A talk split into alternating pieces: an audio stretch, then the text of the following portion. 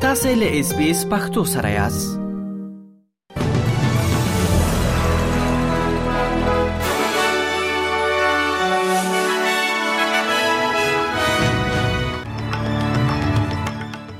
د استرالیا د دفاع او بهرنیو چارو وزیران جاپان ته په سفر تللی ترڅو د یاد هیواد له مشرانو سره لیدنې وکړي په کوینزلند ایالت کې د دوو کسینو چلوونکي د سرغړونو لامل د حکومت لخوا 100 میلیون ډالر جریمه شوې دي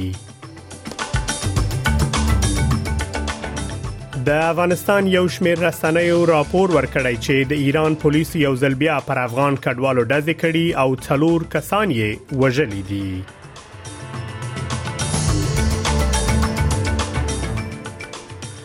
او د کرویشیا او ارجنټاین لوبډلو د 2022 کال د فوتبال نړیوالو سیالیو نیمه پایلوبو ته لار پیدا کړه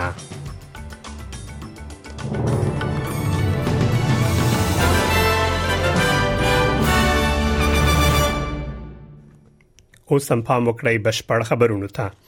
د استرالیا د بهرنی چارو وزیر پینی وانګ او د دفاع وزیر ریچارډ مالز له متحده ایالاتونو وروسته جاپان ته سفر تر سره کړی دی یادو چارواکو د جاپان له صدر اعظم فومیو کشیدا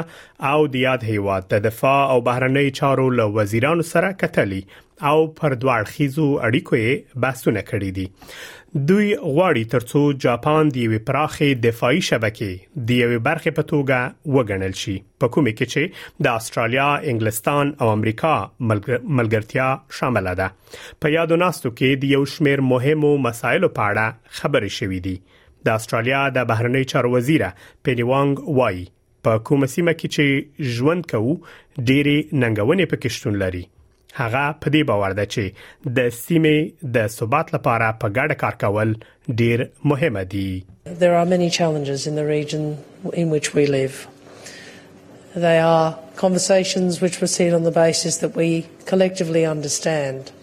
that if we wish to have peace and stability in this region at this time, that our two countries must continue to do more together. استرالیا د بشري حقوقو د سرغړونو لامل پر ایران نوي محدودیتونه وضع کړی دي د روان کال په سپټمبر میاشت کې د ایران پولیسو د محسا امینی په نوم 22 کلن انجلۍ د حساب په ناسمه توګه غوسلو لامل ونیول او درې ورځې وروسته هغه د پولیسو په توقيف کې خپل ژوند له لاسه ورکړ لغي وروسته په ایران کې لاریونونه پیل شو او یو زیات شمیر لاریون کوونکي اوس مهال په زندانونو کې شپې سبا کوي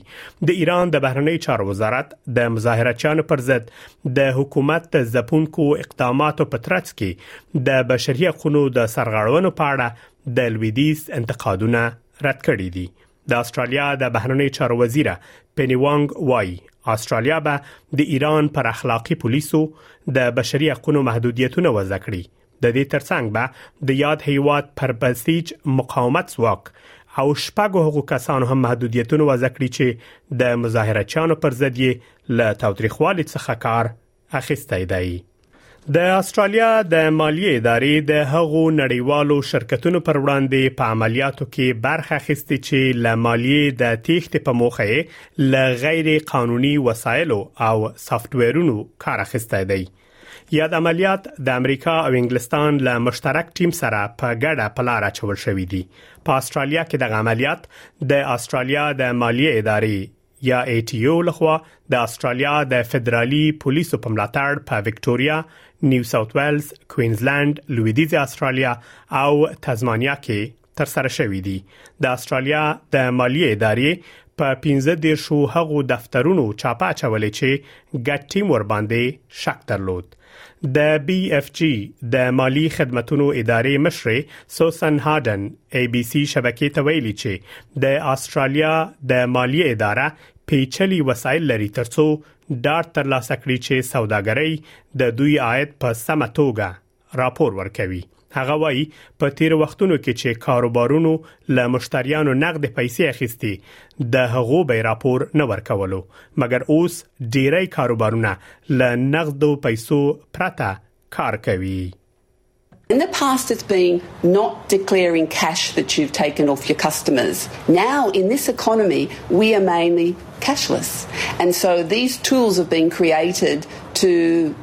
not declare your income. So we have seen those incidences and we think it's great if they're cracking down on it. د افغانستان یو شمېر رسنیو راپور ورکړی چې د ایران پولیسو یو ځل بیا پر افغان کډوالو ډزې کړي او څلور کسان یې وژلي دي د باختر خبري اژانس لخوا په یو خبر شوی راپور کې راغلی چې د ایرانی پولیساتو ځواکونو په ډزو کې د افغان کډوالو د یو موټر د چپکیدو لامل څلور تنه وژل شوي او 14 نور ټپيان شوي دي باختر خبري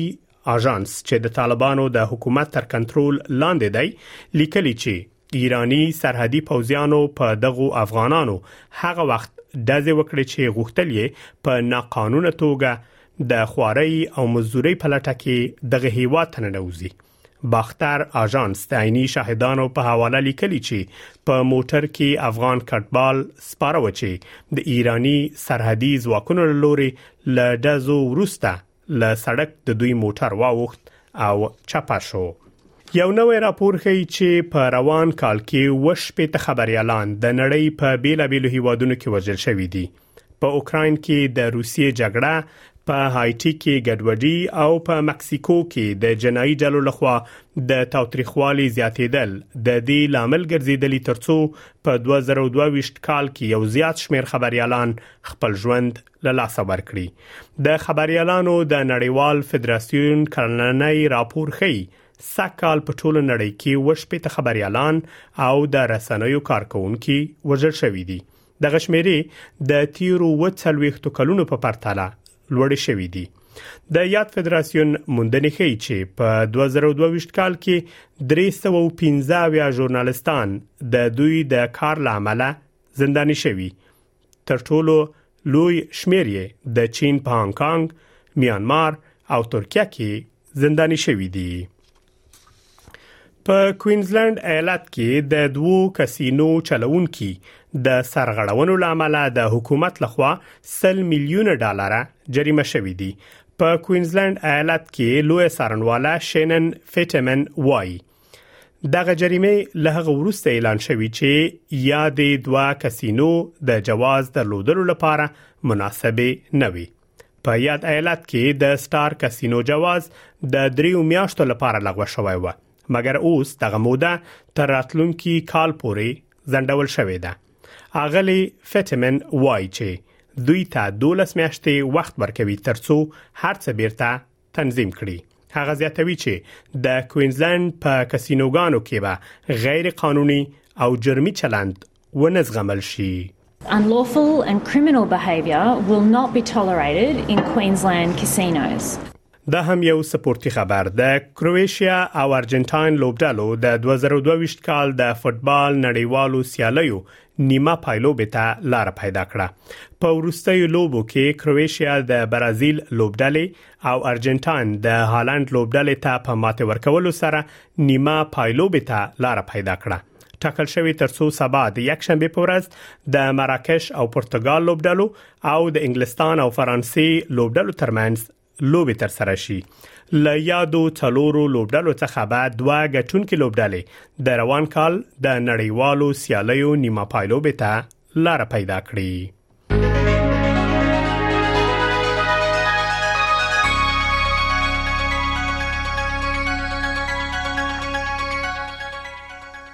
اوس هم پام وکړئ د هوا حالاتو ته په سیدنی کې نیمه ورځ د تودوخې لوړه درجه 23 په ملبن کې ډیر لمر د تودوخې لوړه درجه 15 په برزبن کې نیمه ورځ د تودوخې لوړه درجه 15 په پرت کې ډیر لمر د تودوخې لوړه درجه 15 په اډلېډ کې نیمه ورځ د تودوخې درجه 15 دیرش په داروین کې د طوفان امکان شته د تودوخې لوړه درجه 15 دیرش په کانبرا کې ډېری لمر د تودوخې لوړه درجه 23 په نیوکاسل ښار کې نیمه ورځ د تودوخې لوړه درجه درويشت او له استرالیا څخه بهر په کابل کې نیمه ورځ د تودوخې لوړه درجه نه او ټیټه منفي 2 په پیښور کې هم نیمه ورځ د تودوخې لوړه درجه شل او ټیټه اته دا هم د استرالیي ډالر پر وړاندې